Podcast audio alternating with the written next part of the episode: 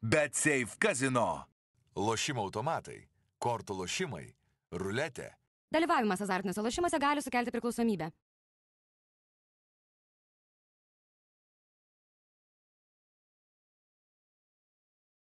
Laukiamiausias metų išpardavimas Black Friday jau topo centre. Samsung Galaxy Watch 4 laikrodžiai tik nuo 129 eurų. Galaxy Flip 3 telefonas tik 649 eurai. O Galaxy S22 telefonas tik 759 eurai.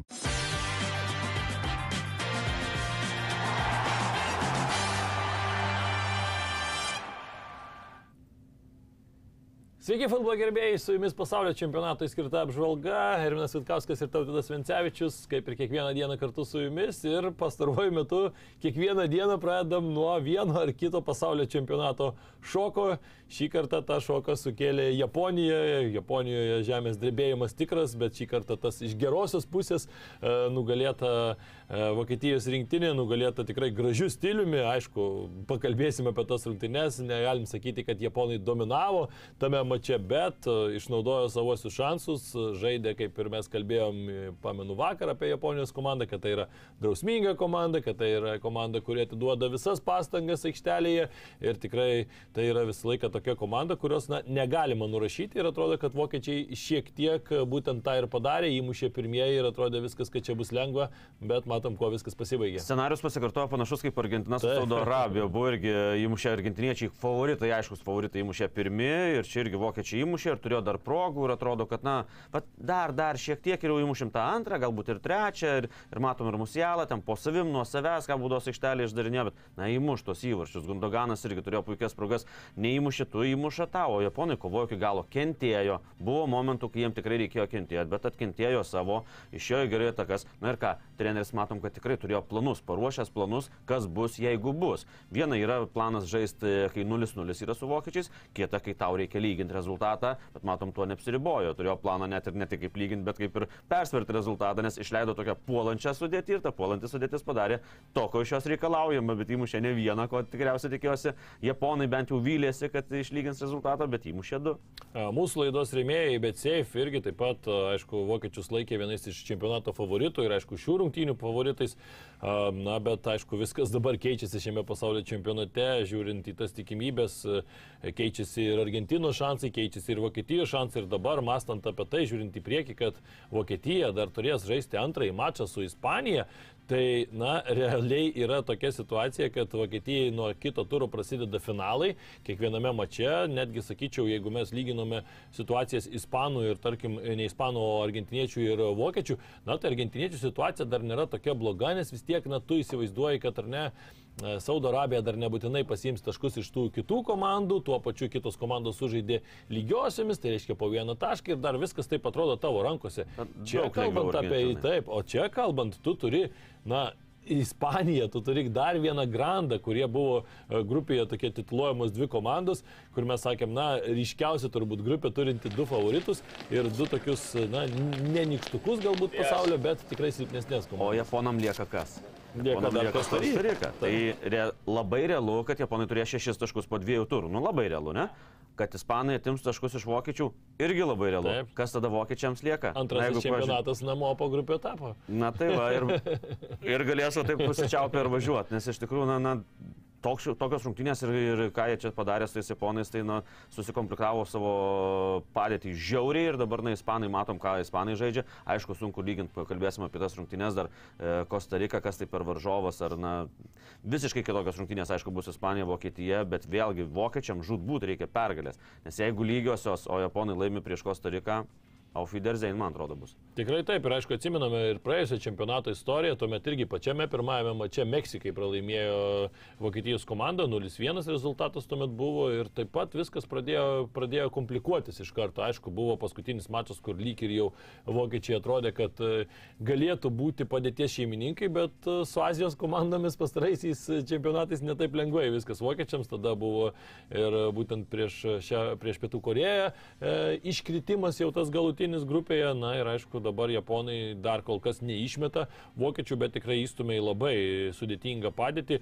Na ir šiaip sakyčiau, kad vokiečiai atrodo, rungtynės prasidėjo vėl, viskas neblogai, įmuštas įvartis, yra progų, ten ir po to dar ir skersinis buvo antro kėlinio pradžioje ir atrodo, kad na, viską lyg ir kontroliuoja, progelių yra, japonai kažko labai nepagrasina, viena kita takėlė, bet na, kažkokio didžiulio spaudimo nėra, bet viskas pasikeitė antrajame kilnyje, japonai padarė tam tikras korekcijas, išleido daugiau galbūt atakuojančių futbolininkų, labai gerai rungtynės įėjo Takumi Minamino ir net keista buvo matyti, kad jis ant suolo, bet japonų rinktinės treneris šiaip ir pasižymi tuo, kad tai yra treneris, kuris kartais e, į startinę sudėtį gali išleisti netgi kažkokį vietinį futbolininką, nors atrodo į tą pačią poziciją tu turite ne Europoje žaidžiantį pakankamai gerame klube žaidėją, na tai matome, kad turi savo filosofiją ir aišku mes žinome, kad pas japonus niekada nebūna tų problemų, kad kai kuriuose komandose, kad tarkim yra kažkokios tai žvaigždės, kurios atvažiuoja ir jeigu čia jo neišleisi ar ten minučių kažkiek neduosi, tai jau vaikščios kažkas nepatenkintas, jau kažkokias tai balaganus ten rūbiniai bandys daryti. E, tikrai pas japonus to nėra, nes žinome na, visai kitokią filosofiją. Kokia Taip. pagarba? Yra vyresnis žmogus, yra vyresnis žmogus. Japonų yra, tai yra viskas. Tai yra pagarba, tai yra nusilenkimas ir taip toliau. Tas atsispindi ir aikštėje. Ir pas juos nėra. Ar mes girdėjom kokį nors konfliktą būtų, kad Japonijos rinktinėje kada nors, kad nors konfliktas, kad jis išeitų į viešumą. Ten to nėra. Ir galbūt treneris ir mato, gerai jisai žaidžia Europoje gar, garsiame klube, bet, bet kitas žaidėjas geriau įvykdys tas užduotis, kurias reikia padaryti ar aikštės viduryje, ar krašte ir taip toliau. Tai tikrai japonai sužaidė drąsiai, tikrai nuo pat pradžių jie žaidė drąsiai, aišku, vokiečių meistriškumas yra vokiečių meistriškumas, bet e, vėlgi, na, tas 11 m baudinys nebuvo ten kažkokia super įspūdinga proga.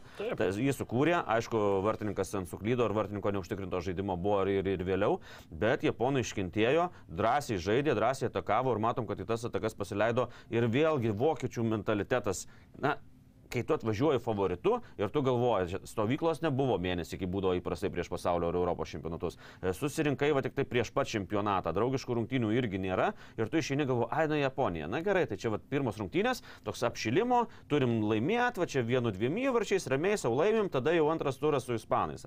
Na gerai, įmuši vieną ir tu matai, kad tau pildosi tos, vat, visi tie planai pildosi. Tu įmuši vieną, antrą, trečią, to antro nėra, trečio nėra ir tu gauni atgal. Tai matom tas pats noris, kokį jis praleido ten į artimą kampą. Taip, ten mušė fantastišką ir, ir taip toliau. Bet kai vartininkas... grupė klaidų, ten galima Tokių nagrinėti. duomenų nuo ir tu traukėsi ir pečius jau traukėsi, gandęs kamulio. Palauk, palauk, ką tu, nu, tai Saudo Arabija matėm, kodėl jie laimėjo. Todėl, kad matom, vartininkas ėjo ten ir savų, ir, ir svetimų nežiūrėjo, ir, ir su didelėm traumom. atidavė viską, visas, visus save ten ir Krito. O ne- vokiečiai, kokios klaidos, nepasivyja, ne, nesutrukdo nieko. Ir Noiris tai tikrai man labai nustebino, kad jisai traukėsi nuo kamulio. Tu eini, pažiūrėkit, Šmeichelis. Danijos rinktinės vartininkas, kaip jis eina į kamuolius. Jis eina ir viskas, kuo daugiau poto uždengto. Čia net patraukta petį. Bei vilko ne iki miško, tai čia Keista, keista situacija, bet šiaip sakyčiau, kad apskritai žiūrint į vokiečių gynybą ir prieš šį čempionatą šiaip teko šiek tiek ir domėtis, ką vokiečiai kalba, tai kažkiek net ir buvo keista, kad vokiečiai taip pakankamai atsargiai žiūri į šį pasaulio čempionatą, nors e, jie yra laikomi vienais ir iš favoritų, bet jie taip sakė, kad na gynyboje pas mus problemų tikrai yra, tos gynybos problemos buvo akivaizdžiai pamatytos šiame pirmajame mače, taip pat visi akcentavo, kad na tokio užtikrinto įvarčių mušėjo taip pat nėra, Havertzas ten Čels irgi neblizga, Timo Werneris irgi gal nėra toks užtikrintas, bet vis tiek tai toks labiau polėjas, bet jo irgi nėra dėl traumos ar ne. Ir vokiečiai kalbėjo apie tas problemas, Lerojus Sane matėme, kad irgi dėl traumos turėjo praleisti šį mačą. Na ir buvo tokių nesusipratimų gynyboje, kur na, minėjai tą antrąjį įvartį. Ten e, vienas dalykas, tai Ziulin visiškai neišlaiko linijos, atsitraukęs, atrodo, tu žai- žaidi krašte, man aišku, visų pirma, tas Ziulės statymas į krašto gynėjus, na, niekaip nesižiūri dvimetrinis, Atakuojantis krašto 110 gynėjas. kg sveriantis turbūt futbolininkas ir žaidžia kraštos, krašto gynėjų, kur dabar šio laikiniam futbolė mes matom, ten krašto gynėjai laksto iki pat varžovo aikštės baudos aikštelės ir kartais įvarčius muša ir taip toliau. Tai man jis... Ziulė irgi jungdavosi Bayernė, bet jis jungdavosi Jo. iš vidurio ir tada kažkas jį Taip, pasaugo. taip, Dabar taip. kraštas lieka nelabai ten jokas pasaugo. Ir, ir tos situacijos, kai Ziulė, na, dabar, tarkim, tu pagalvok, okei, okay, Bayernė tu ten žaisdavo anksčiau, dabar jau jisai persikėlė į Dortmundo Borusiją. Tai ten, na, Bundeslygoje tu žaidži vis tiek, turėdamas didžiulę kontrolę, didžiulį pranašumą ir tu ten tam krašte, jeigu ir pažaisi, ten gal didžiulės problemos nebus. Bet čia pasaulio čempionate, čia, čia pas tave tų kraštinių žaidėjų, iš topinių komandų ypatingai, tokių vingerių, kur kairiajame krašte ten ta tave draskys taip, kad aš nežinau, ten Ziulė, na, palik vienas prieš vieną ten su kokiu, tarkim, Vini junioru, e, tai aš nežinau, ką jis ten su juo padarys, tai baisu tikrai pagalvoti. O Šloterbekas irgi mes matom, kad e, Dortmundo Borusijai tikrai neblizga ir Dortmundo Borusijos apskritai gynyba yra tragiška šį sezoną. Mes bedam pirštų beveik kiekvieną ten savaitę kalbėdami apie čempionų lygos visokias batalijas ir tą, pačią, tą patį Bundeslygos Vokietijos čempionatą, bet čia Hansi Flikas atrodo nepasimoko, atsiveža tas, tą Borusijos gynybą ir atiduoda jiems pagrindinės užduotis Loterbekui, Ziuliai ir matom, kad na, tikrai klaidų apstu, neišlaikyta linija, tu esi kraštinis žaidėjas, tu matai, net nepavojinga kažkokia, neįspūdingai greita kažkokia situacija, Japonas, baudos smūgis ar ten panošlės ar po pražangos, 30 metrų nuo savųjų vartų, ilgas perdavimas už nugarų. Tu stovi, visus matai, Rudigerį matai, Šlioterbeką, tu stovi 3 metrus arčiau ir, ir matai, kad ta žaidėjas jau ten ir net nežengi poro žingsnių atgal, na tokius aš sakyčiau, aplaidumo klaidos, tokios kažkokio parodimas, kad mes čia kažkokie daug geresni ir vat, kaip tu sakei apie tuos e, kartais arabų šalių atstovus, kurie išeina kaip povai, tai man tai Vokietijos kai kurie žaidėjai atrodė kaip povai, kad čia atvažiavo kažkokia Japonija, ai čia mes čia vieną koją apžaisim, apmėtysim kepurėm ir viskas, tai dabar reikės mėtyti kepurėm jau ispanus, kurie ten taip lengvai apmėtami nesileidžia. Aš irgi pasakysiu, sutinku, ką dabar to monologą pasakėjai, kad, na, nors sakyti, kad gal ne japonai laimėjo, vokiečiai pralaimėjo, nes tikrai liaudiškai tariant, pasikėlė iš jo į aikštę ir galvojo, kad na, vis tiek jie su savo vardu laimės e, prieš japonus. Japonai tikrai davė kovą ir, ir tie vokiečiai, na, daug klaidų, daug tokių na, neišpildymo ir matom, kad visą laiką tas kiekviena taka kaip ir baigtų. Labai, vėlgi aš grįžtu prie to, labai panašu kaip su Argentina. Na, progos, smūgiai, vartus ir Gundoganas ir, na, Kaip reaguoja, pavyzdžiui, kitos komandos, kai jos neįmuša, kurios nėra favoritės. Jėmasi už galvos, kraičio, reikia ir taip toliau, ir kažkokia visai kitokia reakcija, kai tu neįmuši. Čia vokiečiai neįmuša, na, ai, dabar neįmušiau, to įmušiu. Ai, to įmušiu čia. Na ir va, tas tuo, tuo, tuo ir matom, kad po to to laiko ir pritrūko, nes, na, visi dabar tikisi, kad pridės ten 10, 12 ar, ar, ar 14 Bet minučių. Tuo laiku nesuprasi, ar ne vienose rungtynėse ispanai žaidžia su Kostarika, ten e, šešis muša Bam, na, aštuonios dar minutės prideda, nu kur jau nebepridedinėk, jau po biškutį jau jaus tą žaidimo ritmą, jau, jau tą pasaulio čempionato dvasę jaus, čia tiek jau ten žmonės penkis ar šešis prasileidė, nu kam dar tu juos ten kankinsi. Čia, kai atrodo dar tokios rungtynės visai ir pažiūrėtum ir įdomu, ir, ir tie, ir tie tokie užsivedę, tu ten man keturias pridedi penkias. Na tai toks nesusipratimas, čia, nors ir atrodo pauzių vienodai. Buvo. Čia dabar intriga didžiausia pasaulio čempionate, ne kaip sužais, o kiek pridės dabar. Kiek pridės ir jeigu dar tokios atkaklios rungtynės, tai vat, nežinai, tai nes na, būdavo ten 3, 4, na 5 minutės, dabar tu nežinai, kiek pridės. 8, 9 jau tampa įprasta, ką ir kalbėjo prieš čempionatą, ar pačioje pradžioje čempionato teisėjų korpusas, kad na pripras, kad tai vat, vokiečiai va taip ir, ir vaikščiojo antrą kėlinį ir galvojo, kad na vis tiek, va čia pridės daug to laiko, kažkada mes išlyginsim, gal ir pers. Bet matom, kad nieko nesigavo, japonai tikrai gerai gynėsi, greiti, greičiau pranoko, tikrai pranoko vokiečius. Ir tiem vokiečiam buvo problemų dar sugaudytas kontra, kontratakas japonų, nes matėm, kad na, visiškai neatsidarė, ten aišku, paskutinę minutę, jau nekalbu, kai ir Noiris jau jungėsi į varžovų būdos aikštelę. ir dar nedaug trūko, kad, kad įmuštų ir išlygintų rezultatą, bet iki tol, tarsi, jie bijojo lyst visi, nes japonai labai gerai į kontratakas išeidavo. Ir jie greitesni tikrai už, už vokiečių gynėjus buvo, kas irgi buvo privertė juos atsargiai žaisti vokiečius. Ir viskas tas susidėjus nuo psichologinių dalykų, kur tu išeini galvodamas, kad tu čia esi favoritas ir, ir tu savo autoritetų nugalėsi varžovus, nieko panašaus. Matom, kad ne, ne, ne pirmi favoritai krito ir nepasimokė iš Argentinos klaidų. Taip, 26 procentus vos tik tai laiko kamolį kontroliavo Japonai ir tai e, yra antras mažiausias rezultatas komandos, kuri pasiektų pergalę pasaulio čempionato istorijoje. Tai matome, kad, na, kartais nereikia kamulio, kartais reikia tiesiog produktyviai ir gerai išnaudoti savo susikurtas progas, galbūt varžovų kažkokias tai e, užmygimo ar šiek tiek e, tokios koncentracijos klaidelės. E, vokiečiai, aišku, į vartus smūgiavo daug, 25 smūgiai, 74 procentus kamulį, kontroliavo 8 kartus į vartų plotą pataikė. Na ir atrodo, tie įvarčiai turėjo, kaip ir sakai, subręsti kažkada, bet nesubrendo ir tikrai dabar vokiečiai atsidūrė labai nepavydėtinoje situacijoje. Japonijos e, abu futbolininkai beje įmušė įvarčius e, žaidžia žaidžia Vokietijoje, tai irgi toksai simbolinis ir paminėjai prieš tai, kad daug vokiečių Taip, septyni, net septyni, ar, ar aštuoni gal. Ar, taip, taip, Vokietijoje žaidžia. Ir man iš karto aš pagalvojau, prisimenu 2002 metų pasaulio čempionatą, kuris vyko Korejoje, Pietų Korejoje ir Japonijoje. Ir tada, kai nugalėjo, na, toks skandalingos tokios rungtynės, e, koriečiai nugalėjo Italiją 2-1 ir tada pergalingą įvartį Ah Jung Hwanas įmušė, kuris žaidė Perudžioje. Tada buvo, ir tada iš karto nutraukė Perudžią su juo kontraktą, nes e, Gaučia toks buvo na, skandalingas prezidentas, amžinatelis jau jam. Ir Perudžia sako, aš nesiruošiu mokėti pinigų tam, kuris palaidojo Italijos futbolą. Na, bet vokiečiai visą pasaulį nesielgia. Galvoju dabar, atleis Bochumas, Bochumas ir Freiburgas, Japonų didvyrius ar ne. tai va, iš tikrųjų, italai yra italai, ten tada tikrai didelis skandalas buvo, kad va, dėl įvarčio jo nacionalinės rinktinės vartus klubas atleidžia, atleidžia korietį iš, iš komandos. Tai dabar, na, tikiuosi, Vokietijoje nebus to. Tikrai, bet uh, Vokietijai dabar reikės na, visus jų pečius suremti, ištraukti kažkokius kozerius. Nežinau, daug kas irgi Vokietijoje kalbėjo apie tai, kad na, e, Tilo Kellerio, kodėl neleido į tą pačią dešinio gynėjo poziciją. Na, žiūrėsim, ar tie kažkokie pasikeitimai bus, privalo jie būti su ispanais, bus labai sunku.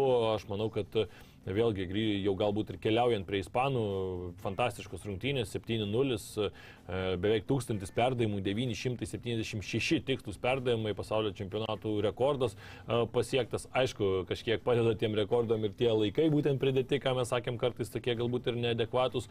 Luisas Enrique įdomių įvairių pasirinkimų atliko, e, tą patį Marko Sensijo išleido į polėjo poziciją, kur atrodė, kad na, Alvaro Morata iš esmės yra pakankamai mylimas, taip Luisas Enrique. Toks numylėtinis tikrai Taip, to čia žiūrim, Marko Asensijo išėjo į polėjo poziciją, aišku, įvartį įmušė, Rodri žaidė gynėjo pozicijoje. Na, aš ir galvojau, ką darys Luisas Enrique prieš šį mačą, nes vis tiek Busketsas irgi yra komandos, kaip ir na, toks kapitonas. Televizijoje nubraižė, kad Busketsas. Taip, taip, taip. Ir, ir aš galvojau, na vis tiek, o Rodri tu negali neleisti. Rodri yra viena pagrindinių figūrų Manchester Cityje pas Pepa Guardiola.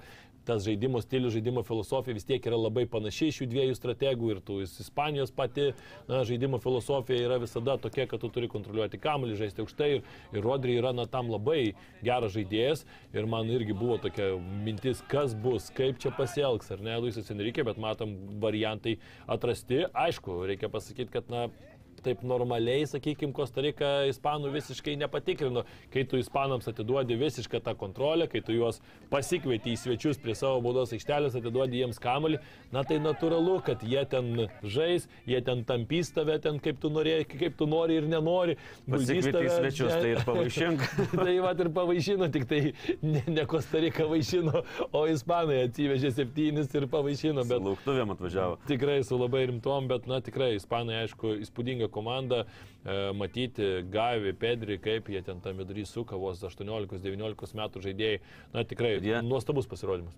Nuostabus dar ir tuo, kad e, pirmą kartą nuo net pasižiūrės, pasi... nuo 62 metų pasaulio čempionato. Kaip bulgarai žaidė. Taip, du niolikiniai žaidė, dar vat, jaunuoliai startinėje sudėtyje pasaulio čempionate, tai vienas 18, kitas 19, kuriem dar nėra 20, tai matom, kad, na, ką ir kalbėjom, kad dabar bus labai įdomu juos stebėti, nes, na, daug didesnis dabar, daug didesnė našta kris ant jų pečių, nebus į ką žiūrėti, vyresnių atvidurį nėra. Ir, na, puikus žaidimas, tikrai, na, pagalvos ir, ir dar vieną rekordą pagerino Ispanai, tu minėjai apie perdavimus, tai pagerino kamulio laikymo kontrolę. Tai 8 81 ir 70 procento, beveik 82 procentai laikė kamuolį, tai Argentinai priklausė iki tol rekordas 2010 metais su niekam nepaslaptis gynybinį futbolą mėgstančiais graikais, tai buvo 80 ir 30 procento. Taip, ir Ispanų didžiausia pergalė pasaulio čempionato istorijoje 7-0. Tai, tai, tai čia tikrai įspūdingi skaičiai, matom, kad visiškai nedavė žaisti Kostarikai, na ir Kostarika lieka ta komanda, kuri du kartus jau nemušė, nesmugiavo į vartus, tai buvo uh, e, 90 metais su Brazilais irgi nesmugiavo į vartus dabar vėl pasikartojo karuselė. Tai, tai tikrai numatėsi, bet e, kai tu matai, pavyzdžiui, Iraną žaidžiantį, ne, vat, kai ten gauna šešis jie, tai na, toks net ir pyktis, kad jie net ten atrodo nesistengia, tokie vat, buvo povar, o Kostarikos net buvo gaila, buvo gailas, tikrai. Ne, ypač pyktis. Keiloro Navaso kaip gaila buvo. Ai, tikrai buvo. Septynis smūgiai vartų plotas, septyni įvarčiai, bet, na, bloga diena buvo. Labai kažko. Buvo porą vietų, kur galima buvo. Bet tau, va, tas ir yra, atsiranda vartininkų irgi psichologiškai, matai, ten, pavyzdžiui, vieną ištraukia, ten gynėjai padeda ir tu ten, tada užsivedį ir tada sunku pramušti. Taip. Bet būna, kai tu vat, vieno neištraukia ir tada tu pradedi kažkur vat, šiek tiek abejot ir tas gausi, kad matom, ten prie... Ten, pavyzdžiui, Marko Sensija, tas antras įvartis tikrai atrodo jau su rankom kabino, tokius dažniausiai. Taip, taip, traukia, na, matom irgi vartininkas, koks be patyręs būtų, bet kai tu nežaidži reguliariai dabar jisai pasažė Taip. prarado vietą, nes Donorumą užėmė ir tau sunku yra. Paskutinį ir, kartą Liepos mėnesį dar žaidė rungtynės, nu, tai vartininkui čia yra keturi mėnesiai be futbolo. Nes tai vartininkui fiz, fizinė kondicija yra viena, tu ją gali išlaikyti. Nėra, nėra problemų. Tai faktas, kasdien treniruojasi Bet tiek kai tau yra psichologija, tau pozicijos susėmimas ir taip toliau, tau nu, išsimuši iš to ritmo, tai tikrai buvo gaila. Gailėsis toks paėmė Kostarikos, bet na, e, ten dar nuskambėjo kažkokios frazės, kad jie čia gal vėl tu pateko į tą pasaulio čempionatą. Palaukit, jie iškovojo kelialapį, žaisdami, atranką įveikdami ir taip toliau. Tai tikrai Ne, čia, čia jų aš yra sakyčiau, vieta. bet- net ir tiem patiem Japonam nebus taip lengva. Čia Kostarika dabar mes galim tam fone pažiūrėti, atrodo septynis. Reikia suprasti, na, ispanai, kai jau pajaučia tą žaidimą, kai jau įsi- įsivelia jie į savo tą tiki taką, na, varžovus visiškai demoralizuoja, kai tu ten 18 procentų kamuolį kontroliuoji ir tas kontroliuojamas, tai irgi ten yra du perdamus atlieki ir jau tave ten vėl spaudžia. Nėra iš ko, pas Kostarika nėra iš ko, ta patys japonai ten mėtys tuos kamuolius kontratakus tenksis daryti ir tikrai bus kitoks žaidimas, bet dabar nu nėra iš ko, nu kam tu įmesi, nu nėra ten žaidėjų, kurie galėtų pasimti tą kamuolį, prilaikyti, kad Jau ir kažkas dar tokia karta pasiimtų. nueinanti daugumoje ir, Ir- ir, ir- ir, kiti tik- žaidėjai dar nepriaugę to lygio. Tikrai sunku ir, ir, ir, ir tikrai šitą komandą, na, tikrai buvo gaila ir dar apie tas pridėtas minutės nesąmoningas pakalbėsim paskutinėje rubrikoje mūsų laidos, tai nes, nes irgi nesusipratimas, kai, na, Man tik tai vienas dalykas pozityvus buvo iš Kostarikos pusės, kad e, man patiko, kad jie ne, nedaužė varžovų, neįsivėlė į kažkokias nesąmonės, ten vienas konfliktėlis toks buvo, bet ten mini visiškai, o šiaip sakyčiau, kad tikrai labai korektiškai žaidė, nes dažniausiai, kai tu pralaiminėjai tokių skirtumų, tu jau nori kažkam užvažiuoti per kojas, nori įsilieti, tai šiaip šaunuoliai, kad į tą futbolą neįsivėlė, nes tikrai na, galėjo būti viskas taip neskaniai atrodyti ir dar dėl to turbūt ir yra tas toks gailėsis, tu žiūri, nes matai, kad na, tiesiog tą dieną ispanai yra ir aišku, turbūt bet kurią kitą dieną ispanai būtų geresni, nes na, tu pasižiūri, ten atvažiuoja 15 ar 14 žaidėjų, ar net 16, man atrodo, iš e, nacionalinio čempionato, nu, tai Kostarikos čempionatas mes puikiai suprantam, kad tikrai A lyga turbūt kažkas tai tokio, o ispanai atvažiuoja iš Barcelonų, Realų ir taip toliau, nu, tai apie ką mes kalbam, tai tikrai faktas, kad e, ne, ne tame lygyje papuolė šita komanda ir šį kartą papuolė Puvolų, kuri, aišku, dar reikia pasakyti, kad ir Gavi e, tapo rekordininku ir anksčiausiai pradėjęs rungtynės Ispanijos rinktinėje, įmušė įvartį, atliko rezultatyvų perdavimą, tai tapo jauniausiu po 1958 metų, kai Pele pasižymėjo būdamas dar 17 metų ir 249 dienų, E, Gavi vakar buvo 18 metų ir 110 dienų, na tai tikrai dar vienas jaunėlis, kuris spindi aukščiausiame, aukščiausioje scenoje. Įdomu, kas e, prašymą parašė į mokyklą, kad atleistų nuo pamokų per pasaulio čempionatą, nes dabar... Jo, nes vasarą būdavo lengviau išvažiuoti.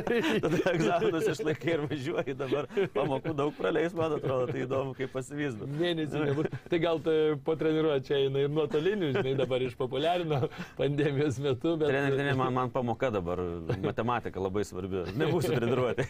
Keliaujam Iš tikrųjų, tokie vaikai žaidžia, tai na, fantastika matyti ir dar ne, ne tik, kad žaidžia, bet ir na, vieni lyderių savo komandos. Keliaujam į kitą grupę - Belgija, Kanada. Na, sakyčiau, Kanada tikrai labai nustebino. E, galima buvo tikėtis, nes tikrai, ką ir kalbėjom, tai yra komanda, kuri vis tiek savo atrankos grupėje aplenkė ir Meksiką, aplenkė Junktinės Amerikos valstijas ir tikrai komanda, kuri, na, pastaraisiais metais labai smarkiai auga futbolas, ten pra- pradžioje augo labai smarkiai moterų futbolas, po to pradėjo aukti ir vyrų, ir tikrai, aišku, ir tas 26 metų pasaulio čempionatas, kurį jau nekartą minėjome, tai irgi yra toks akstinas, e, dar, sakykime taip, labiau plėsti futbolą ir, ir dar labiau investuoti į futbolą kanadiečiams. Na ir matome, kad tos investicijos atsiperka. Pati pradžia rungtynių buvo, kad Belgija atrodo, kad turiu nutrauksiu, tai labai, labai gerai ats- atspindėjo, ką tu dabar pasakėjai Kanados trenerio Džono Hermano žodžiai po rungtynių. E, Britas, kuris, na, matęs to futbolo, tikro futbolo. Ir Kanadoje tikrai, aš ten teko lankytis dar na, prieš gerus 20 metų, ten mergaitės visur žaidžia futbolą. Berniukų jaunimo nepamatysi žaidžiančių futbolą dar prieš tiek metų.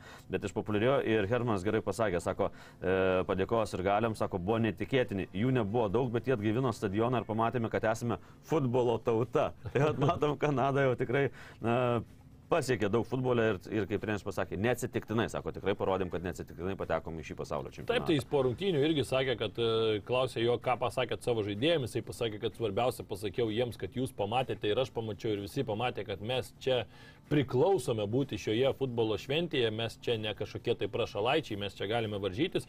Ir sakė, dar paminėjo žodį iš F raidės, kad eisim F Kroatiją. Tai supras, kad kruatams dabar laukia taip pat nelengvus rungtynės ir na, aš tikrai galėčiau irgi turbūt paantrinti, kad kruatams ir tiem patiems Marokui bus labai sunku ir man atrodo, kad šita grupė tokia labiausiai nenuspėjama tampa ir, ir, ir labai įdomi, jeigu dar šis mačas tarp Belgų ir Kanados būtų pasibaigęs, tarkim, lygiosiomis ir visos komandos turėtų po tašką, na tai čia iš vis nieko nebūtų neįmanoma nuspėti, bet šis čempionatas kol kas tikrai labai sudėtingas su spėjimais, bet tuo pačiu reikia pasakyti, kad dar galite sudalyvauti spėjiklėje, FK Žalgiris e, kartu su jūs kviečia ten dalyvauti, dar galima atspėti.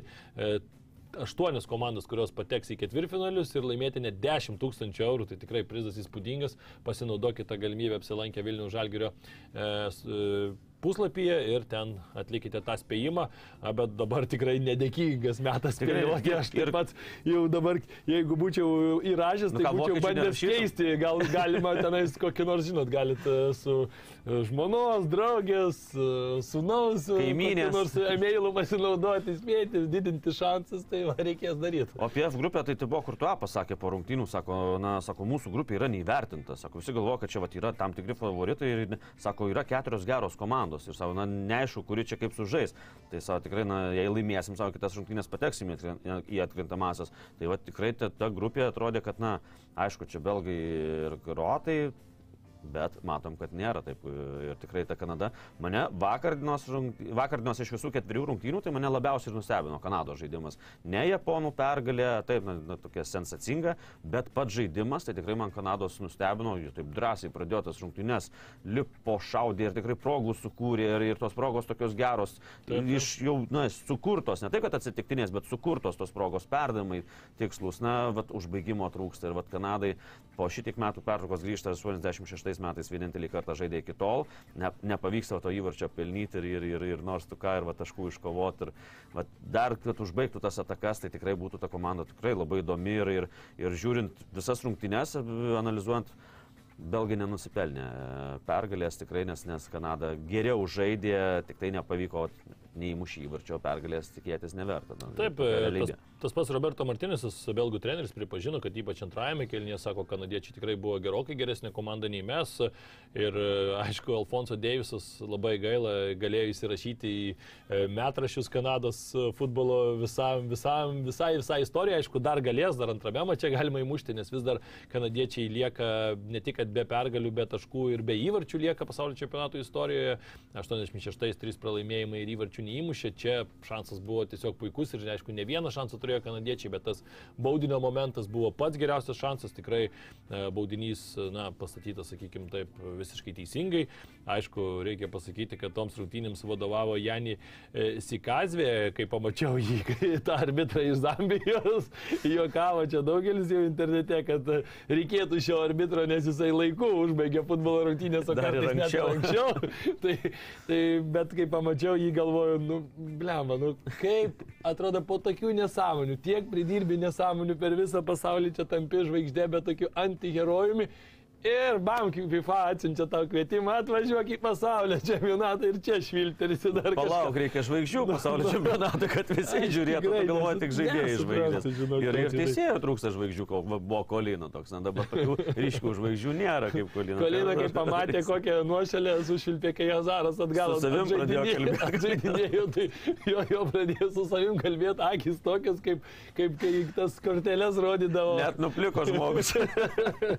Tikrai fantastiška fantastika, nu, aš nesupratau to momento, aišku, e, gal prieisim dar šiek tiek vėliau, nes dar norisi tikrai apie kanadiečius daugiau pasikoncentruoti. O apie tikrai... baudinį tai kur tu pasakė, sakė, mes analizavom, mes sako, žinau, kad, kad jis muša į dešinį kampą, į savo dešinį kampą. Bet labai ten, tokį silpną. Ten ir, ten ir kritau ir, ir, ir įtampą daro savo, matom, Lewandowskis kokio neįmušė, dabar Deivisas, na, pasaulio čempionatas yra pasaulio čempionatas, o kai tu dar žinai, kad tavo šalis niekada nėra įmušusi pasaulio čempionate, nori, nenori, tos ko, kojos pradeda drebėti šiek tiek. Tikrai taip, 2,61 tas vadinamasis XG, tai reiškia to tikėtino įvarčio, sukurtų progų, toks savotiškas rodiklis, na ir tikrai tiek sukurti ir neįmušti nei vieno įvarčio labai retai, kada pasitaiko dažniausiai, na, ir ypač dar tokiame lygyje, kai, tu, kai yra tie žemesnio lygio čempionatai, ten tas XG aišku aukštesnis, išnaudojimas progų prastesnis, čia labai e, neblogų šansų turėjo kanadiečiai, bet toje paskutinėje fazėje tikrai strigo.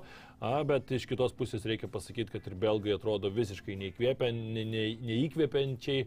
A, komandos gynėjai Vertongenas, Aldelveljardas, tokie jau tikrai nusenę, galų galia jau ir tie klubai, kuriuose jie žaidžia. Grįžę į Belgiją jau, Taip, ne veltui. taip, Antverpenė, kai tu žaidina, tai be abejo ne, netotintiemas, kur prieš tai žaidėjai tas pats Vertongenas, Anderlecht rungtyniauja, na tikrai jau irgi užbaiginėja savo karjeras.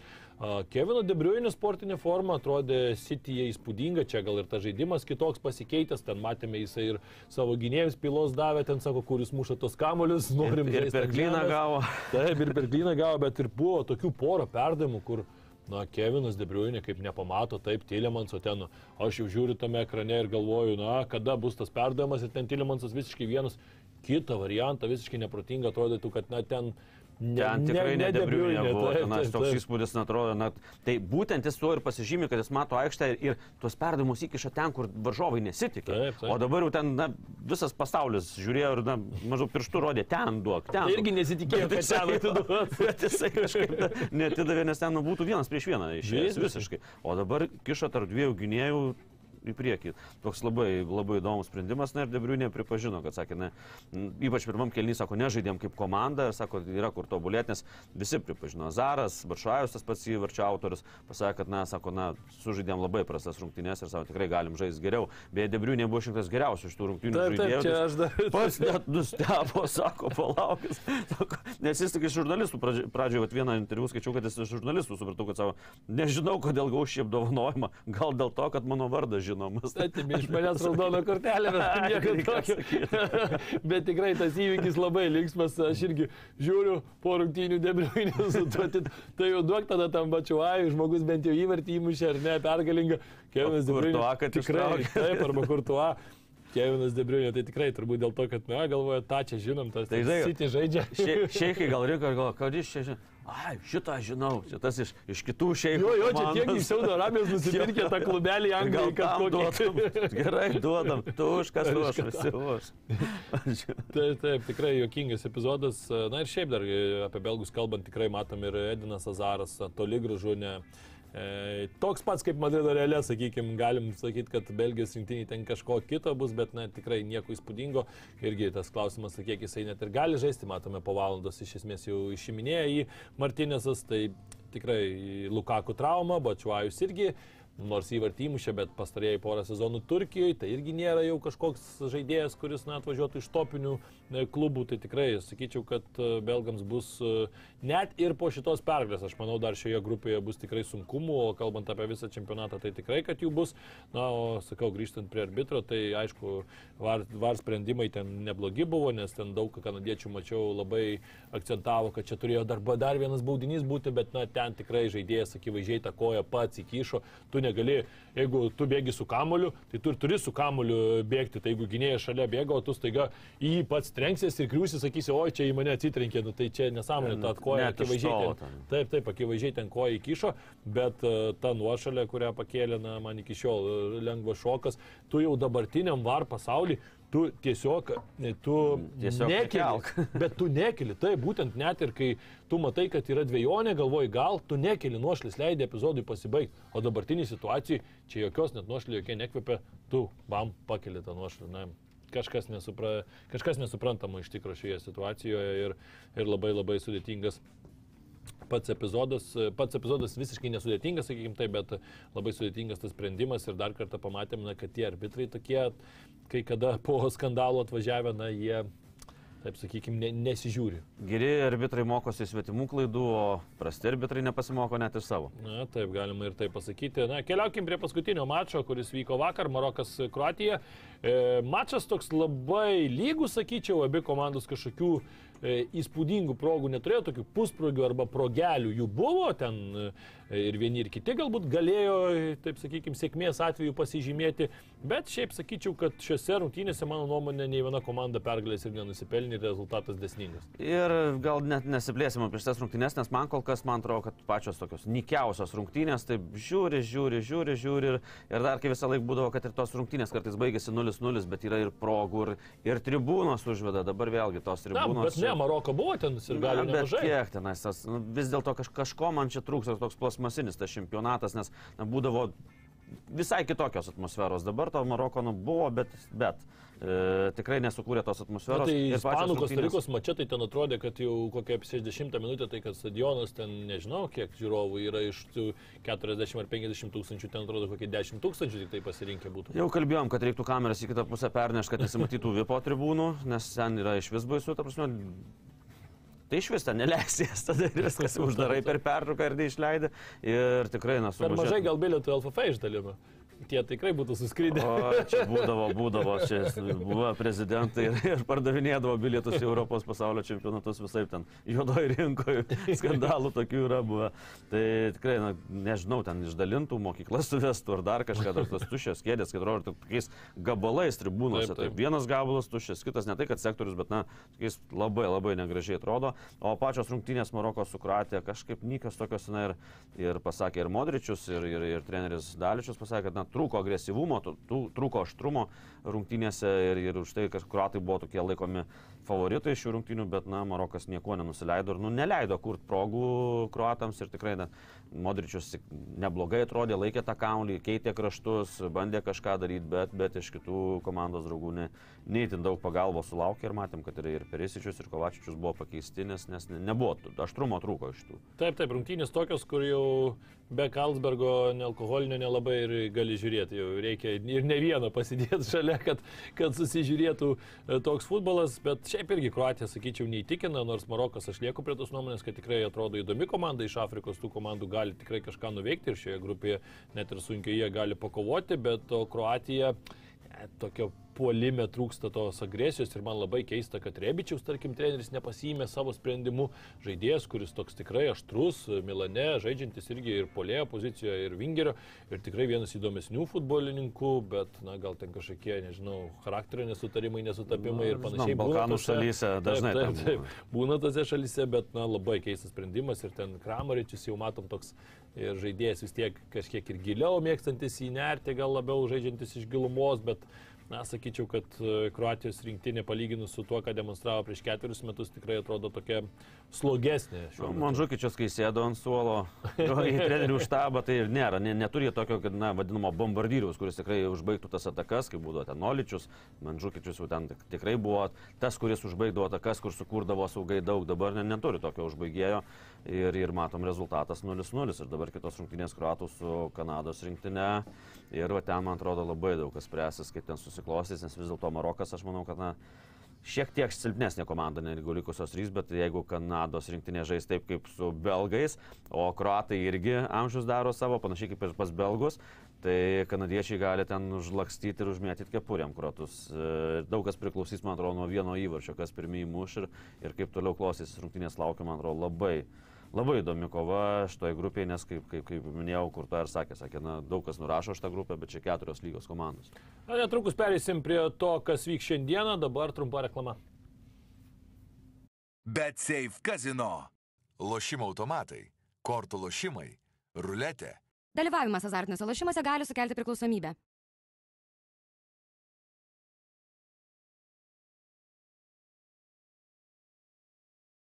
Laukiamiausias metų išpardavimas Black Friday jau topo centre. Samsung Galaxy Watch 4 laikrodžiai tik nuo 129 eurų. Galaxy Flip 3 telefonas tik 649 eurai. O Galaxy S22 telefonas tik 759 eurai.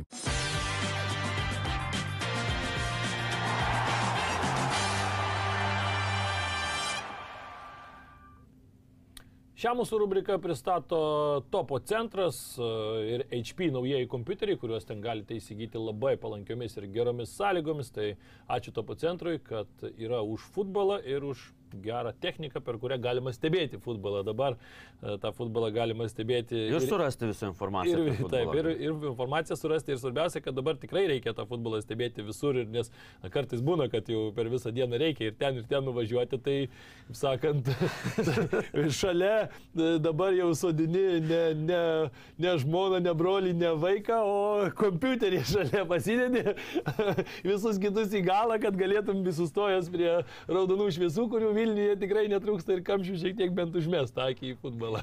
Prie vairo, tik, prie vairo nepasidėk tik tai, kad įstotų visą vaizdą. Na, aš tengiuosi visas žiūrėt, nesakyk tik tai. Bet tai, reikia pasakyti, ačiū Dievui dabar gali atsisukti. Jo, jo, Jeigu negalėtum atsisukti, va, kaip anksčiau būdavo, ten keliolika metų atgal ir, ir taip toliau. Ką pamatėjai ir viskas, ir Nežinau, reiktų prapuolė. Ir ypač dabar dar, kai prideda po 10 minučių prie kiekvieno kelio. Pauzės tai- rungtynių mažas būna. Tai kartais vos Kalsburgo nealkoholio spėjai įsipilti, nes, parduotuvės iš karto nuo rungtynių iki rungtynių ir ketverios rungtynės toks tikrai maratonas, bet na, tai būna tik tai kas ketveris metus. Tai Taip, tas taip. maratonas e, toks malonus, Malonus, taip, maratonas. taip, taip, tikrai.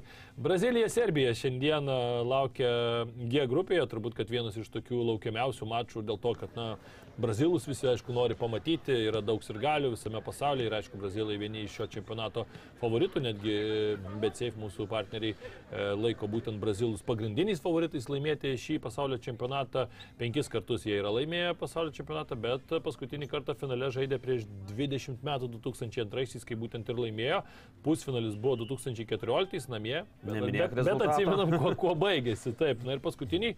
E, Iš paskutinių keturių čempionatų tris kartus Brazilai krito ketvirtfinalyje, atrodytų kaip ir, na, neblogai tarp top aštuonių, bet, žinom, tikrai ne Brazilai. Nu, aš nežinau, aš jau esu sajęs, kad na, jie žaistų ten kur nors kosmose su marsiečiais ir vis tiek favoritai būtų laikomi. Na, Brazilai yra Brazilai, kiekvieną kartą atvažiuoja, tai ten tų žvaigždžių daugiau negu dangui ir, ir dur pirštų. Čia kai darom visą laiką pavardinam, į kuriuos žaidėjus atkreipdėmėsi. dabar nevardinsim Tai. Brazilai paimk visą sąrašą ir vardink. Tai, tai visus ir atkreipdėmėsi, nes dažnai ir būna taip, dabar tam vos, vos porą Brazilijos čempionate rungtyniaujančių futbolininkų paimta į rinktinę, bet būdavo ar kur atsiveža iš Brazilijos čempionato, bet Brazilijos čempionatas tai realiai būtų, aš nežinau, į top 5, man atrodo, patektų. Na bent top 6 tai Na, tikrai būtų. Taip, gal pasaulio. kartais e, trūksta tos drausmės ten kai kurioms komandoms, bet bendrai taip įvertinus talento atžvilgių, tai aš manau, kad tikrai ten konkuruotų su, su prancūzais Ir, ir tų panašiai. pinigų, aišku, nuo ekonominės situacijos visą laiką priklauso, Taip, taip. bet ir tų pinigų ten yra atsiradę nemažai.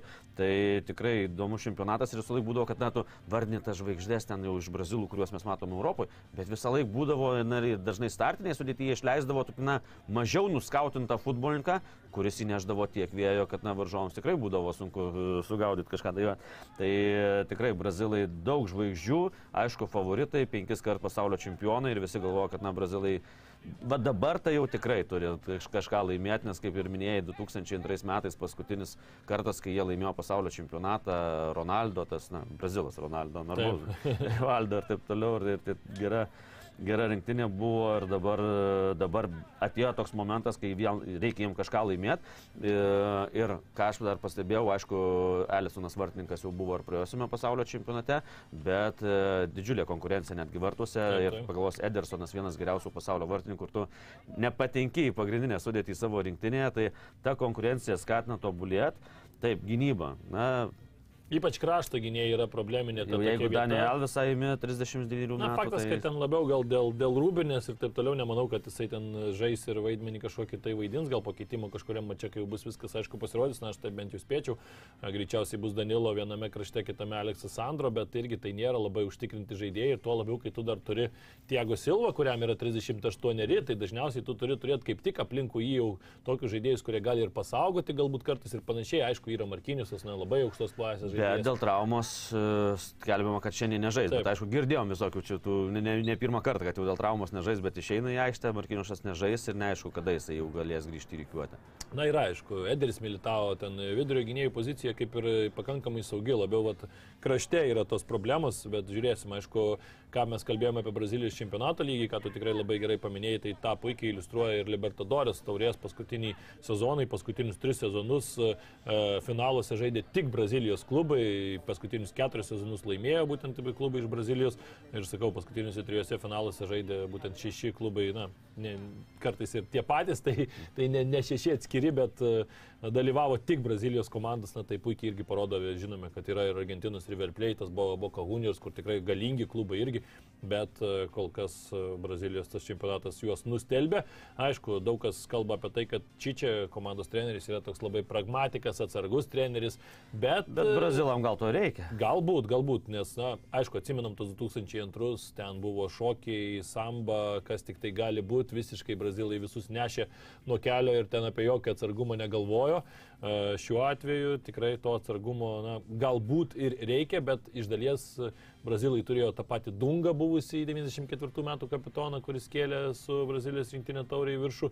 Irgi tuo metu taip kalbėjo, kad mums čia reikia laisvesnio futbolo, bet tas ir yra. Jeigu tu laimėsi, Brazilai pamirš, nes visi nori pergalių, bet jeigu tu nelaimėsi ir žaisi pragmatiškai ir dar negražų futbolą, tai tuomet jau atsimins O, visi. Sulygint su žemėm, tai jie čia Europoje ir liks, tada ne, negrįš į Braziliją tikrai. Tai, na, čia čia sakai toks pragmatiškas futbolas, bet jeigu 20 metų tu nieko nelaimi, e, būtent pasaulio čempionate, taip, laimėjo 19 metais e, Pietų Amerikos Taip. čempionatą, 21 žaidė finale ir pralaimėjo Argentinai, tai e, mato, kad, na, toks žaidimas su Europos komandom, na, neduoda to norimo rezultato, tai už tai galbūt ir žaidžia. Ir čia čia tapo e, pirmų Brazilijos rinktinės trenerių po labai ilgos pertraukos e, po Telės Antanos, kuris 82 ir 86 vadovavo du čempionatus iš eilės, nes trenerių kaita, kaip pažiūrėjau, tai yra, na, tą patį Dungą, tavo minėtą, pakeitė Čičia 2016 metais ir matom jau kiek laiko jisai įsilaikė, tai tikrai tą komandą puikiai pažįsta ir gerai vertinamas treneris, nes ten palauk nebūna, ten jeigu kažkoks tai pralaimėjimas toks, na, garsesnis kokie Argentinai ir iš karto ačiū viso gero, durys uždaromos.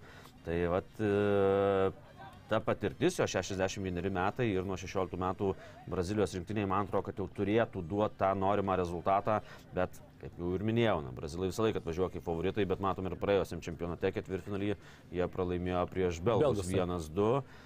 Kaip dabar susiklostys ir e, tos pirmos rungtynės, na matom, kitiem favoritam kaip Vokietijai ar ten Argentinai teko silpnesni varžovai ir Ispanijai, ne visi iškovojo pergalės, o Brazilam realiai tenka pats pirmas turas jau su Serbija, kuri irgi neiškelmo spirta. Beje, su serbai žaidė ir praėjusiam pasaulio čempionate vienoje grupėje buvo irgi šios dvi komandos. Ir 2-0 tada laimėjo. Brazilai ir, na, Tuomet nesunkiai. Paulinio vieną įvartį įmušė, Tiago Silva, kuris ir dabar yra, ir Paulinio, kuris žaidęs Vilniaus klube, tai buvo su tokiais lietuviškais akcentais, dar tada tas, tos rungtynės. Taip, serbai paskutinius tris kartus krito grupėje, pasirodymai nebuvo įspūdingi, komanda, kuri, reikia akcentuoti, turbūt dažnai ir patys save suėda iš vidaus, tokie atvažiuoja į tuos e, čempionatus ir prasideda darėtenos konfliktai, vienas žaidžia, kitas nežaidžia, na, žiūrėsim, galbūt šiemet pavyks to išvengti. Aišku, reikia išskirti Mitrovičių, kuris tiesiog tobulos formos šį sezoną, e, 12 rungtynių, 9 įvarčiai Anglijos Premier lygoje, trečias pagal rezultatyvumą, nusileidžia tik tai Holandui ir Keinui. Yra ir Vlahovičius, aišku, polime įdomu, ar Mitrovičius skelbiama rezultatyviausias. Taip, turi. Dabar iš, iš esant 50 minučių skelbiama, kad nežais. Bet vėlgi, na, ten turi kuo, kuo pakeisti. Taip, Vlahovičius yra, bet irgi gydėsi traumą, tik tai paskutiniuose turuose už Juventusą nežaidė. Aišku, yra dar ir Jovičius, kuriam realiai kar- karjera nesusiklostė, bet dabar serijoje A visai neblogai jam sekasi. Na, matysim, aišku, pagrindinė turbūt žvaigždė, aplink kurią vis bando taip klyjuoti žaidimą, yra Sergejus Milinkovičius Savičius, kuris vis taip žvaigždės tą statusą turi, turi, turi, bet aš sakyčiau, kad e, tų tokių pumpurų iki galo neišleidžia, jeigu galima taip vaizdžiai išreikšti. 3-4 metai atgal. Visi, Milinkovičius Savičius, Milinkovičius Savičius, viskas išaugo Lacio marškinėlius. Atsimenam, kokios Jo, kainos būdavo - 70, 80, Manchester City, Manchester 90. United, visi nori. nebuvo peršamas ir tikrai sukdavosi vidury žaidimas aplink jį, bet tie trys metai jau praeina, jau tu turi įrodyti, kad tikrai išaugai Lacio marškinėlius, bet matom pastaruoju metu, na, užtilsos tos kalbos. Taip. Tikrai gerą žaidimą demonstruoja jisai, bet ar jisai iš žvaigždės tapo kažkokia superžvaigždė? Ne. Tai va dabar šansas įrodyti, beje, kaip pamiršom ir brazilų paminėti Neimarą, ne? nes Taip, visą laiką apie Neimaras, Neimaras čia kylanti žvaigždė, čia žvaigždė, čia pakeis Messi, pakeis Ronaldo, bus Neimaras, daug daugiau kalbam dabar apie Mbappé, kad jisai pakeis e, nueinančius Messi ir Ronaldo, o Neimaras dabar jau irgi turi imtis iniciatyvos į savo rankas jau pakankamai subrendęs žaidėjas, kuris turi ves Brazilijos rinktinę, o ne voliotis ir raitytis ant žolės, ką matėme 2018 metais. Tai jau dabar jam irgi reikia, tas pats ir Milinkovičius Savičius, nes e, tikrai jau subrendęs žaidėjas ir, na, serija tikrai daug žaidžia ir e, serija vis dėlto, na, nėra ten kokia lyga, kur, na, tau laisviau leidžia žaisti. Italijoje tas e, gynybinis futbolas vis dėlto dominuoja ir jam tikrai ten sunku žaisti, bet jis puikiai žaidžia Laco. Dabar atėjo laikas ir su Serbijos rinktinė kažką įrodyti ir man e, tie apie daugiau žaidėjų, tai e, labai įdomu sekti tą kartą, kuri 2013 metais Lietuvoje, jeigu atsimeni, vyko Europos jaunimo U19 čempionatas ir serbai tapo Europos čempionais, tai pasižiūrėjau iš tos kartos, tikrai nemažai futbolininkų žaidžia šiame pasaulio čempionate, tai su tuo pačiu Milinkovičium Savičium E, Sergėjo Milinkovičiaus Savičių reikia paminėti, nes jo brolis e, Vartininkas Vanka. Dar yra, taip, žaidžia ir komandoje. Taip. Tai iš Turino klubo, tai va iš tos kartos Raikovičius ir va net klubus paminėsiu, nes na, pasižiūri mūsų futbolininkų, kurie tada tikrai žaidė gerai ir kovojo dėl kiekvienos rungtynėse Lietuvos rinktinė, e, tai mūsų klubus ir pasižiūri serbų klubus, tai Raikovičius Margiorka, Velkovičius Verderis, Milinkovičius Savičius Lacijo, Maksimovičius Getafė, Mitrovičius Fulhamas ir Džurdževičius Kichono sportingas, bet jis atstovauja Juotkalnyjos rinktinį, jisai pasirinko. Tai va, matom tą auksinę kartą, kuri po to pasaulio čempionate puikiai pasirodė pasirodė, dabar jau žaidžia nacionaliniai rinktiniai. Ir tikrai vat, subrendę jie dabar jau pasiekti kažką daugiau negu neišeiti iš grupės, kaip dažnai pas juos būna. Kitas mačas Šveicarijoje Kamerūnas. Šveicarai penkis čempionatus iš eilės jau E, žaidžia, trijose iš keturių paskutinių keliavo iš grupės, bet pralaimėjo visą laiką aštuntfinalio etapuose. O taip pat sakyčiau, kad e, labai nebloga komanda, turinti potencialo. Įdomu tai, kad e, tie geriausi žaidėjai, pagrindiniai žaidėjai yra to tokio labai gero amžiaus, tarp 26 ir 31. Tai yra na, tokie jau subrendę žaidėjai, bet tuo pačiu dar savo pikė ir na, ta fiziniai kondicijoje geroji. Tai aišku, reikia išskirti E, Granitą Džeką, kuris puikios formos atvažiuoja arsenale, tikrai e, išgyveno tokią antrą jaunystę. A, tas pats Šerdanas Šačerį, žinome, kad yra žaidėjas, kuris rinktinėje visą laiką pasirodo gerokai geriau negu e, klubuose, kuriam galbūt ir netaip gerai sekasi. Aišku, dabar žaidžia MLS, jau tai klausimas, kokia ten ta sportinė forma. Tikrai seniai nemačiau aikštėje žaidžiančio, bus įdomu pasižiūrėti. Visą laiką. Taip, taip. Na, dvigubai geresnis negu už klubą. Visą laiką. taip, aišku, ir gynybos grandyje yra šolidžių žaidėjų, Akandži.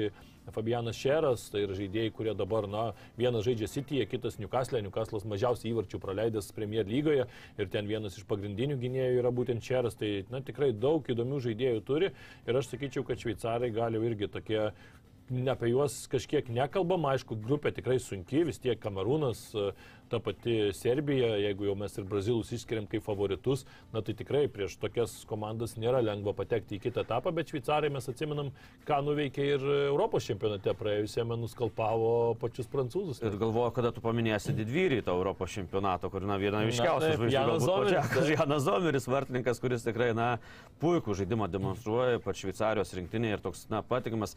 Jis iš tų vartininkų, kur, na, aš skirstu vartininkus į toks dvi dalis. Vienas, kuris gali padaryti klaidų, bet ištrauks, na, fantastišką, ten iš devynių ištrauks, vienas prieš vieną ištrauks, nu, kur, nu, atrodo stebuklus išdarinė, bet gali padaryti klaidų, o kiti, kur stabilus, kur, nu, savo viską susirinka ir dar tokius, na, neblogus ištrauks. Tai jau Janas Zomeris, va tas va, patikimumas pas jį yra, na, tikrai puikus vartininkas ir, ir jis daug priduoda Šveicarijos rinktiniai, ne, ne mažiau negu, na, nežinau, ar Akandži, ar tas pats e, e, Šačerį. Ir, taip, taip. ir dar vienas yra Ambolo žaidėjas, kurį irgi norėčiau atkreipdėmėsi, nes žinom, kad, na, jis ir lėmė mūsų rinktinės trenerio valdo Ivanausko karjeros pabaigą. Su tais blokais, ar ne? buvo, buvo skambėti. Kai nagrinėjau sudėti, kaip dabar žaidė šveicarai paskutiniu metu, tai na, tas pamačiau ant bolo, tai tikrai nes lapkričio 17 dieną. rungtynių gal pasikvies, žaidė, panagrinėt žaidimą šveicarų. Draugiškas rungtynės žaidė lapkritį 17 dieną ir pralaimėjo Ganai 0-2 šveicarai, nors rezultatas neįkvėpintis, bet bet e, tautų lygą jie pradėjo trim pralaimėjimais, bet baigė trim pergalėm prieš Portugaliją, Ispaniją ir Čekiją. Tai matom, kokias komandas nugalėjo, tai tikrai potencialas didelis. Taip, taip, o Kamerūnas turėjo neblogą Afrikos čempionatą, jau šiemet, aišku, žaidė jie namuose, tai tikėjusi galbūt ir laimėti jį, bet e, patikimas į pusfinalį irgi nėra tikrai blogas rezultatas, kalbant apie geriausią šios komandos pasiekimą, tai yra 90 metais E, Tuomet jie pateko į ketvirtfinalį, tuomet buvo pirmoji komanda pasiekusi ketvirtfinalį apskritai iš Afrikos. Afrikos. Ir jų atidarimo rungtynės kokios buvo, tada nugalėjo Argentina 1-0, kur ten irgi, vat, kaip sakėm, oi, Argentina ten užmėtys, užmėtys kepurėm tą kamerūną ir iki šiol prisimenu tą vaizdą ir jisai daug kur ir nuotraukose yra, kaip iššoka įvarčio autorius, vienintelį įmušęs Omamas Bykas ir iššoka ten kojos tie- ties pečiais argentiniečio gynėjo maždaug iki tol ir galva įmušė į Pumpido vartus, tai tikrai fantastiškas įvartis buvo tada kamerūnas. Na, Vieną didžiausių sensacijų pateikė bent iki to laiko buvusią. Na taip, ir aišku, žvaigždžių turi, Müncheno Bayernė žaidžia e, Čiupo Motingas, e, kuris muša įvarčius e, šį sezoną puikiai, Zambo Angisa rungtyniauja Napolyje, tokoja Kambi Lyonė, na ir tokių dar ir vidutinių, sakykime, žvaigždžių. Andrėjo Nana vartininkas. Interė žaidžia, na ir aišku toks, na, komandos lyderis e, Rūbinėje ir manau, kad ir aikštėje bus Vincento Bubakaras, e, 91 rungtynės rinktinėje, tai daugiausia ir aišku, jis dabar žaidžia Saudo Arabijoje, Alnasar klube, bet nu, buvo ir, ir Porto, ir Bet Bešiktašas. matėm, Saudo Arabijoje lygoje, kokie žaidžia futbolininkai. Tai matom. ir argentiniečių sulygina, tai, tai tikrai jis toks, na, komandos dvasia, siela ir, ir aplink kurį sukasi ne tik žaidimas, bet ir gyvenimas. Jis, jis priduoda daug, daug spalvų kamerūno rinktiniai. Na ir H grupė prieš čempionatą irgi buvo jau tokia karūnuojama kaip viena iš įdomiausių grupių ir aš irgi prie to tikrai su tuo esu linkęs tikrai sutikti. Portugalija, Gana, Urugvajus, Pietų Koreja, tai yra ir nemažai sąskaitų šioje grupėje tarpusavėje, atsimenam tą 2010 metų ketvirtfinalį, kai Gana pa- pakliuvo būtent į jį ir buvo visai netoli pusfinalio. Reikėjo tik tai įmušti baudinį arba reikėjo nepasiekti kamulio ranka Luis Suarezui, bet uh, tuomet na, tikrai tokia ilga istorija yra ir Suarezas, yra keletas futbolininkų ir e, Ganos rinktinėje, kas tikrai atsimena tuos, tuos laikus. E, na ir aišku, Portugalijos rinktinės ir Ganos dvikova e, šiandien bus pirmoji, bet Reikia turbūt akcentuoti tai, kad e, Portugalai irgi turi fantastišką komandą. Fernando Santošas e, pyko vakar konferencijoje, kad labai daug klausimų sulaukė apie Ronaldą, ne apie žaidimą, o apie jo įvairius e, niuansus karjeros. E, Na, žinome, kad Ronaldo vis tiek turi kažkaip įsiskirti ir dabar, po to, kai nutraukė kontraktą, įsiskiria pasaulio čempionate, kad yra vienintelis žaidėjas neturintis klubo. Laisvas agentas, atėjo laikai. Anksčiau būdavo pamatyti prie klubų, kad e, be klubo keista, dabar matom, Ronaldo be klubo yra. Na, bet e, aišku, ir sulauksis klausimų ir bus visą laiką apie tai kalbama, nes na, ta atmosfera rūbiniai labai priklauso nuo to, kaip tavo lyderis jaučiasi, o tas lyderis ir toks nuėdinėja į antrą planą, kai kas jau kiša galvas, kaip Bernardo, e, kaip Bruno Fernandešas, kuris, na, nori perimti tą lyderio vaidmenį, ar kiti, matėm, ten e, rūbinėje buvo šiek toks nesusipratimas, bet po to Fernandas sako, papikaus kalbat, sako, paleiskit garsą ir pažiūrėsit, kad ten viskas buvo normalu. Tai, e, na, tikrai bus labai įdomu žiūrėti, nes Portugalija atsivežė tokią sutartį, su, sudėtį, kad man atrodo, na, geriausia per pastaruosius, nežinau, na, 16 metų ar, ar, ar gal net ir 20 metų, nes nu, pradedant nuo vartininko, Rui Patricijo, tai na, nuo Vitoro Bajos laikų, ko gero geriausias vartininkas, ką turėjo Bet Portugalijos pastaruoju metu Ir- užleidęs e, vietą yra ir dažniau žaidžia Diego Košta, naujasis e, vartininkas iš Porto, 23 metų žaidėjas. Na, bet čia žiūrėsime pasaulio čempionatas, taip, aš jau pastaruoju metu kažkaip nepataikau su vartininkų pasirinkimais, kad žais, bet, bet Rui Patricija tikrai man atrodo, kad, na, tikrai ta patirtis daro savo, ar gynyba, ta prasme, Rubinas Diešas, Kancelo ir taip toliau, ir taip toliau gali vardinti ir vardinti, o jau saugai tai Bernardo Silva, Bruno Fernandešas, na, Ronaldo, Žao Felixui irgi jau reikia įrodyti, kad tu Jau reikia tarp kišti sezonų tapai brangiausių perėjimų ir virš šimto milijonų buvo e, už tave sumokėta, jau irgi įrodyk, tai tikrai bus, na, sudėtis labai labai labai gera, bet e, kaip aikštė tas atrodys, tai vat, netrukus ir pamatysim 18 val. Taip, ir dar kalbant apie portugalus, tai iš tikrųjų yra tas dalykas, kad dažnai portugalai e, atvažiuoja labai geras komandas turintys, bet nebūtinai tuo metu sužyba. O atsimenam 2016 Europos čempionate, kai niekas iš jų nieko nesitikėjo ir ta sudėtis tikrai tokia vangoka ir netrodė labai kažkuo įspūdinga. Nuo vieno žmogaus realiai priklauso. Taip, tai visiškai ir tas žmogus ir tai finalė netgi traumą gavo, bet tuomet laimėjo Europos čempionatą. Tai čia kartais su portugalais taip yra, aišku, tas pats e, Santošas irgi panašiai kaip ir brazilų, tai reiškia europietiškieji brazilai, kaip, sa- kaip vadinamieji portugalai, e, jie irgi žaidžia kažkiek per daug, galbūt pragmatiškai, ypač turint tiek talento. Na, bet uh, žiūrėsim, galbūt šiame čempionate kažkas pasikeis, nors netikiu, kad treneris taiga labai kažkaip tai paims naują modelį. Aišku, Ronaldo ta situacija, kokia jo forma bus, taip toliau. Suprantam, kad Fernandas Santošas kaip gyveno su Ronaldu, taip jeigu reikės, taip ir skęs su Ronaldu. Čia e, galima tuo nebejoti, kad tikrai nebus čia jokių konfliktų ir šioje rinktinėje, kalbant apie, nebus taip kaip klube, kad ten tai pakeitimo, tai nepakeitimo. Ronaldu čia turbūt, kad žais tiek, kiek norės ir tiek, kiek reikės Portugalijai. Tai na, daug kas irgi priklausys nuo jo. Penktas pasaulio čempionatas yra aišku jau paskutinis. Na, pažiūrėsime. Kalbant apie Ganą, tai aišku, ryškiausios e, žvaigždės yra Yra tų žvaigždžių, reikia visų pirma išskirti, nežaidėjai 2018, bet tai bus ketvirtasis jų pasaulio čempionatas, 2010 būtent, ką ir minėjom, geriausias buvo ketvirtfinalis, bet buvo visai šalia pusfinalio. Didžiausia žvaigždė Tomas Partija, turbūt, kad drąsiai galima sakyti. E, išskirčiau taip pat solidžią pakankamai gynybos liniją, yra Martis, Alisu, Lemtai, visi rungtyniauja Anglijos Premier lygoje, visi E, savo klubuose turi tam tikrą vaidmenį ir aišku, Injaki Williamso taip pat ateimas į šią komandą, tas pilietybės prieimimas, žinome, kad žaidėjas gimęs ir augęs Ispanijoje, bet e, su tėvais. Netgi žaidė ir už Ispanijos rinktinę vieneris rungtynės. Na ir brolis 18 metais pasaulio čempionate debitavo už Ispaniją. Ir jau vien tai pasako, kad Ispanijos rinktinė 16 metais jis buvo, jis buvo įtrauktas į kandidatų sąrašą važiuoti taip, taip. čempionatą, bet, bet nesusiklostė Ispanijos rinktinėje karjerą ir dabar jisai tik tai turėjęs rungtynės yra sužaidęs.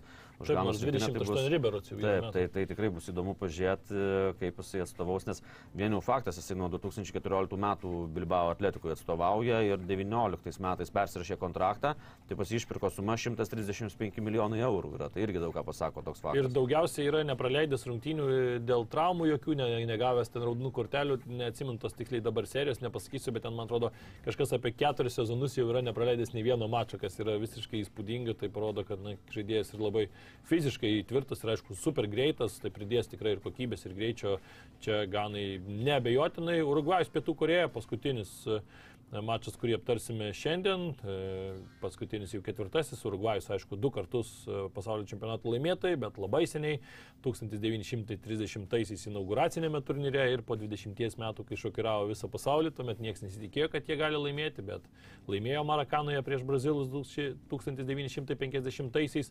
2010-aisiais buvo pasiekę pusfinalį, ta pati žymioji Svarėso ranka, kurią jau apkalbėjome, būtent tą nulėmė tuomet Diego Forlanas žibėjo, ketvirtfinalis buvo pasiektas praėjusiame čempionate, pralaimėta tik tai prancūzams, kurie paskui tapo pasaulio čempionais.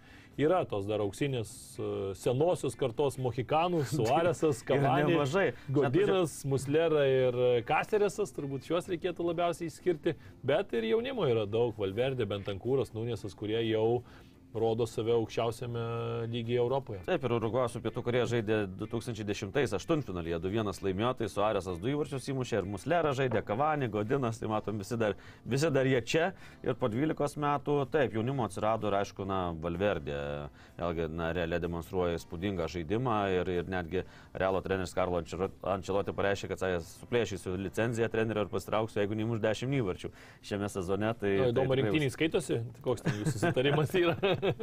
tai, va, tai tikrai bus įdomu pažiūrėti, nes, na, patirtis yra didžiulė, Muslera 36, Godinas 36, e, Suarasui 35, kaip ir Kavaniui, na ir ateina tokia karta Raucho 23, Bentankūras 25, Valverdė 24, Lukas Torė yra 26 irgi, tai ta, jau tokie subrendę žaidėjai, kurie, kurie nu, pakeis netrukus tą nueinančią kartą. Tai bus įdomu tikrai stebėti Urugvajų, aš manau, kad vienas iš tokių gali tapti čempionato viena iš staigmenų rimtesnių. Ir dar naują trenerį reikia paminėti. Taip. Diego Alonso, 47 metų, matom, kad pasaulio čempionate daug tokių jaunų trenerių, kuriems dar iki 50 pakeitė legendinį metų. Oskarą Tavarešą pakeitė, nes na, buvo serija tokia nesėkmingų rungtynių, kad vos pateko į pasaulio čempionatą. Taip, taip, tai, tai paskutiniuose turuose. Tavarešas nuo 2006 iki 2021 vadovavo, tai na, o kai pakeitė Alonso atėjo, laimėjo ketverias rungtynės iš eilės ir pateko į pasaulio čempionatą, tai tas keitimas pasiteisinas. Ir Pietų Koreja nuolatinė čempionatų dalyvė, be jau dešimtą čempionatą iš eilės žaidžia. Aš kiek pasaulio čempionatų, kol gyvas esu, kiek esu matęs, tai visose būtent matydavau Pietų Koreją ir na, tikrai tokia Azijos flagmanė galima na, drąsiai sakyti. Pietų Koreja ir Japonija, tie, kurie dažniausiai tarp favoritų Azijoje iškovoti kelialapius. Taip, ir geriausias pasirodymas, aišku, buvo namie, ten ir kontroversijos netruko, 2002-aisiais buvo ir teisėjų sprendimų ir prieš ispanus, ir prieš italus, bet, na, pusfinalis lieka, aišku, kaip sakom, neprisimena, prisimenam, kaip ten viskas vyko ir po 20 metų, bet na, to pusfinalio jau niekas netims, paskutiniai du pasirodymai baigėsi grupėje. Aišku, Pietų Korejai svarbiausia, kad Son Hyunminas atvyko, nes buvo Uh, tikrai galimybių, kad bus didžiausia galbūt net čempionato netektis, nes, na, kai tu palygini, galbūt taip, Sadio mane turbūt galima palyginti Senegalui, taip panašiai ir Son Hyunminas yra tokios pačios svarbos žaidėjas Pietų Korejai, jeigu net dar didesnės, uh, gavo traumą su uh, irgi tokia pakankamai žiauria trauma su rungtynėse su Marseliu čempionų lygoje ir buvo ir veido kaulai sulūžę ir tikrai problemų nemažai, bet, na, atrodo, kad nežinau ar su kaukė ar be kaukės matysim, bet galės žaisti, net 14 žaidėjų žaidžia vietinėme čempionate. Na ir dar turbūt reikia išskirti tokią naują gynybos žvaigždę, tai yra Kimas rungtyniaujantis Napolio klube. Žaidėjas, kuris šį sezoną, kaip ir daugelis Napolio futbolininkų, labai gerai save parodė yra ir, na, tokia, sakykime, rinktinė, kuri irgi uh, kažkiek gali nustebinti, nes tos vietinės čempionato, mes vietinių čempionato žaidėjų mes tikrai nežinome, kuo, ką jie gali labai pademonstruoti. Ir turi gerą trenerį, Paulo Bento, kuris Taip. dirbo ir Portugalijos rinktinėje, Olimpijakose treniravo Patokinijos klubą, tai tikrai jis kažkaip rado bendrą kalbą, kurioje nuo 2018 metų jau treniruoja Korejos nacionalinę rinktinę. Ir, ir tikrai ta rinktinė, man atrodo, kažkas bus panašaus kaip Japonija ir gali nustebinti ir nebus lengva Urugvajui. Ir dar tik tai, kai kalbėjom apie 2002 metų pasaulio čempionatą, tai toks įdomus faktas, kad iki šiol yra toks antirekordas koriečiams priklauso, tai buvo praleistas greičiausias įvartis tada kovoje dėl bronzos, žaidus 10,8 sekundės, na, mažiau negu 11 sekundžių, tada Hakanas Šakūras įmušė įvartį į Turkiją, tada e, laimėjo prieš, prieš Pietų Koreją ir iškovo bronzos medalius. Tai at koriečiai pasižymė, pasižymė ir tokiais e, faktais, kaip greitai praleidžia, bet e, bus įdomu tikrai žiūrėti šitą grupę, sutinku su tavim, kad jinai viena įdomiausių. E, dabar dar viena trumpa reklama ir netrukus sugrįšime, tęsime laidą. Bet Safe Casino. Lošimo automatai, kortų lošimai, ruletė.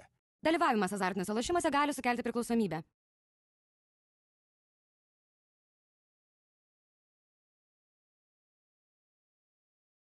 Laukiamiausias metų išpardavimas Black Friday jau topo centre. Samsung Galaxy Watch 4 laikrodžiai tik nuo 129 eurų. Galaxy Flip 3 telefonas tik 649 eurai. O Galaxy S22 telefonas tik 759 eurai.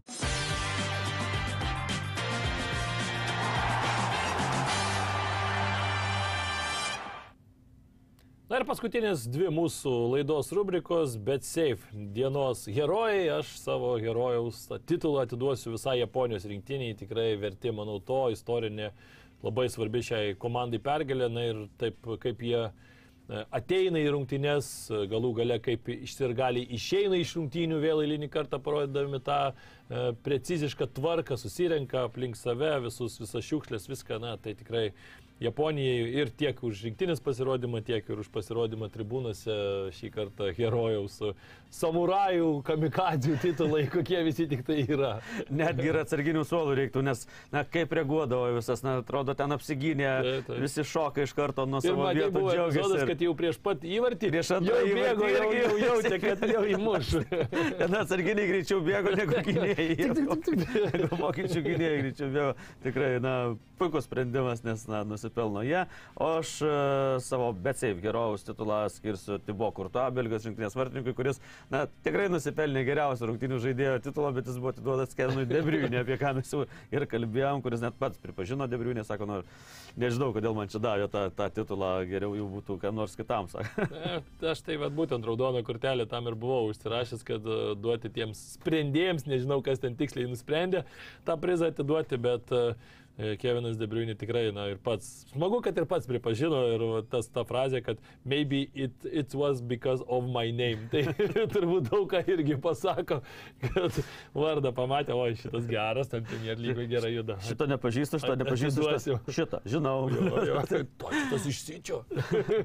Aš raudoną kortelę duosiu tam žmogui, kuris per savo gyvenimą yra prirodęs labai daug raudonų kortelių. Tai yra Pierluigi Kolina, FIFA teisėjų korpuso vadovas kur ir dabar, na, taip, tos rekomendacijos yra pridėto laiko, bet, na, gerbiami teisėjai, na, nežinau, aišku, mano balsas į dangų neina ir iki Kataro tikrai ne, nenueis, bet e, na, gal, jauskit, jauskit tą žaidimą, nu, Kostarika, na, na, gaila žiūrėti žmonių, tai jau patyčia, aš jau galima į teismą paduoti už patyčias, kai tu 8 minutės. Garbės ir orumo įžeidimą. Nežinau net ką sakyti, socialinę apsaugą iškviesti. Ir, ir, ir vaiko teisės gali irgi skambinti, jei dar nepilnamečių yra komanda. 18 metai vieną buvo išleidę. Tai... Tai čia patyčias tikrai, o Gavi ir Pedri tėvus reiktų bausti, ne, nes jie dar 18 metų, tai dar tyčiojasi iš kitų. Tai.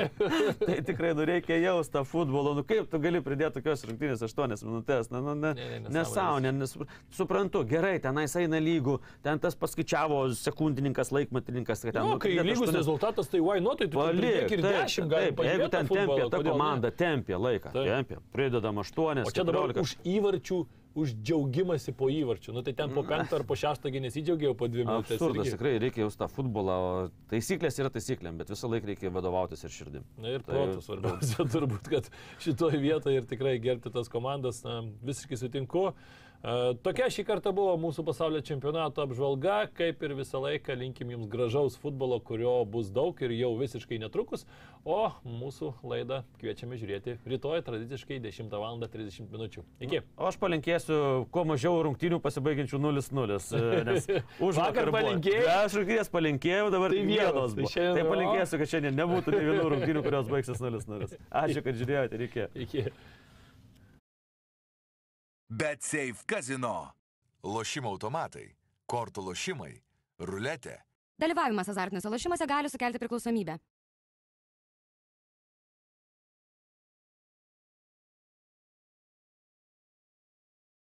Laukiamiausias metų išpardavimas Black Friday jau topo centre. Samsung Galaxy Watch 4 laikrodžiai tik nuo 129 eurų. Galaxy Flip 3 telefonas tik 649 eurai. O Galaxy S22 telefonas tik 759 eurai.